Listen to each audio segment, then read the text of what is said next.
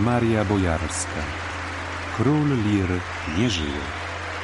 Czyta Joanna Bogacka.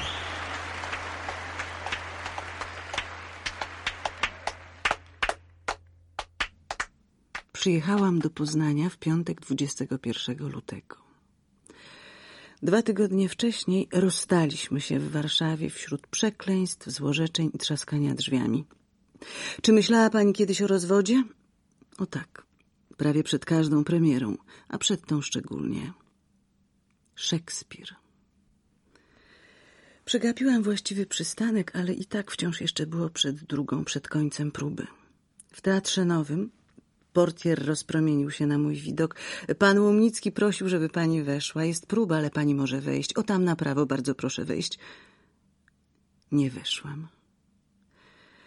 Do dziś pamiętam, jak w Krakowie, w świątyni Polskiego Teatru, podczas próby, to również był Szekspir, weszła na scenę żona aktora, w płaszczu bodajże z siatkami w rękach, a na pewno z torebką przewieszoną przez ramię, stukając obcasami.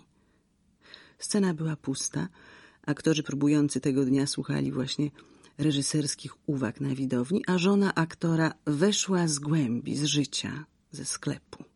Przemierzyła całą scenę, stukając obcasami, zapytała o męża, obróciła się na pięcie i przemierzyła scenę z powrotem, aby udać się z kolei do bufetu albo sekretariatu, albo garderoby.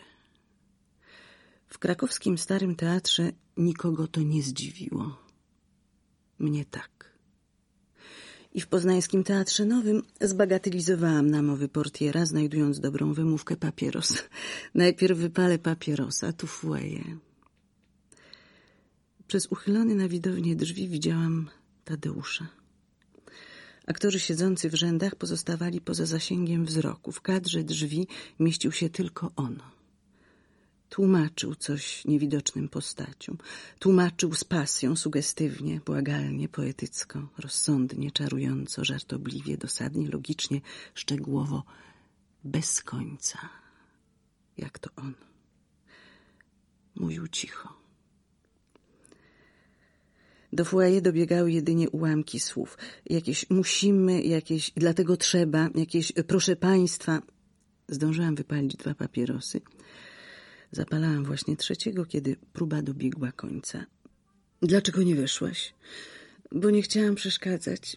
Nie chciała przeszkadzać i oczywiście pali. Cała moja żona. Po chwili ściskałam niezliczone dłonie. Istna gwiazda tego piątkowego popołudnia. Pani musi poznać moją żonę. Proszę się przedstawić mojej żonie. E, Prawda, wy się znacie z moją żoną jeszcze z PWST, a to jest właśnie moja żona. Żona, żonie, żoną, o żonie, pod żoną, na żonie. Jak u Różewicza w kartotece. Kartoteka bohatera, który urodził się żonaty. W kolejnej wyciągniętej w moją stronę ręce tkwił mikrofon. Ależ ja tu przyjechałam tylko obejrzeć jutrzejszą próbę, porozmawiać o roli, o przedstawieniu, pójść na obiad do chińskiej restauracji, opowiedzieć o tym, co w domu nowego w Warszawie, jaki mam pomysł felietonu i co mnie spotkało w środę u Mariana Brandysa. Dowiedzieć się szczegółów o grypie z zeszłego tygodnia i o kłótni ze scenografem sprzed dwóch dni. Pokazać lutowy numer zwierciadła z rozmową z nami.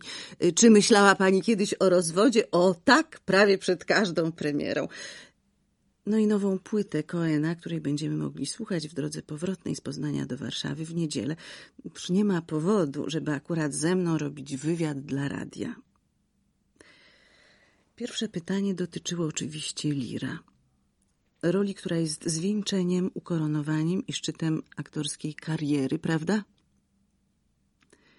Nie pamiętam już dokładnie słów, ale pamiętam, że szczerze się zdziwiłam.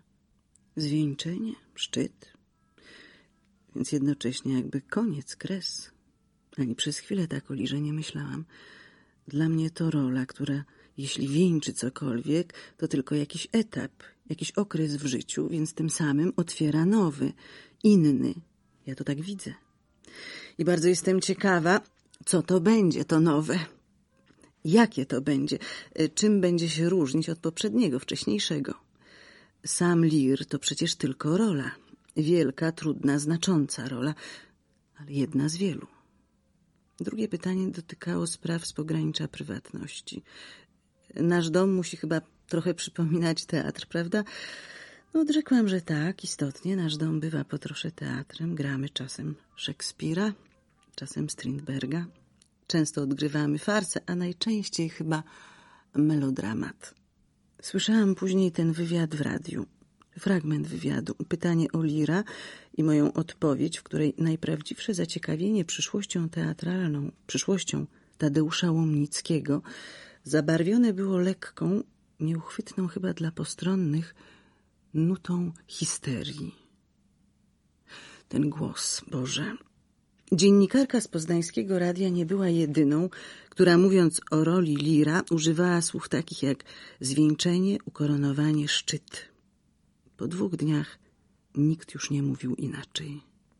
Po dwóch dniach Lir stał się nie tylko szczytem, ukoronowaniem i zwieńczeniem, lecz także rolą magiczną, symboliczną, wymarzoną i jedyną.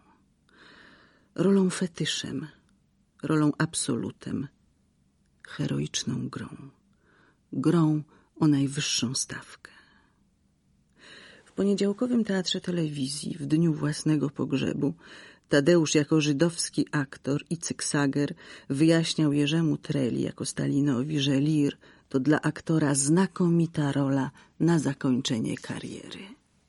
Słyszałam później ten wywiad w radiu i to kilkakrotnie, bo możliwość zarejestrowania czyjegoś głosu i wyglądu, mechanicznego utrwalenia na wieki dźwięku i obrazu jest dla ludzkości prawdziwym dobrodziejstwem. Wystarczy przycisnąć guzik.